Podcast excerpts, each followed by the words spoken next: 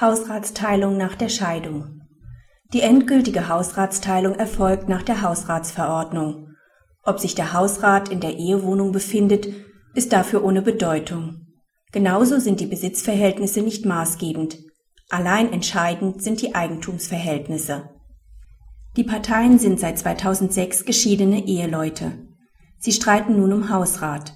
Die Ehefrau behauptet, sie habe die Hälfte der Hausratsgegenstände bei ihrem Auszug aus der ehelichen Wohnung mitgenommen. Der Ehemann lässt vortragen, dass die Ehefrau bei ihrem Auszug die Ehewohnung nahezu ausgeräumt habe. Die Ehefrau beantragt festzustellen, dass der gemeinsame Hausrat verteilt sei und dem Ehemann keine Ausgleichsansprüche zustehen. Der Ehemann verlangt mit einem Gegenantrag die Herausgabe von vorläufig aufgelisteten 111 Positionen.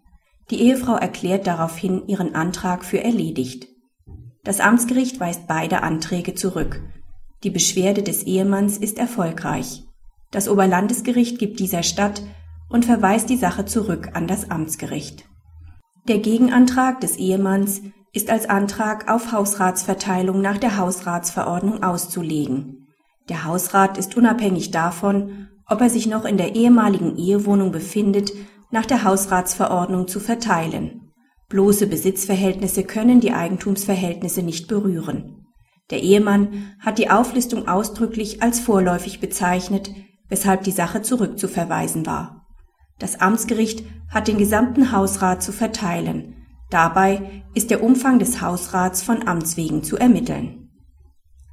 Praxishinweis im Rahmen der vorläufigen Hausratsteilung vor Ehescheidung ist § 1361a BGB nicht lex specialis zu § 861 BGB.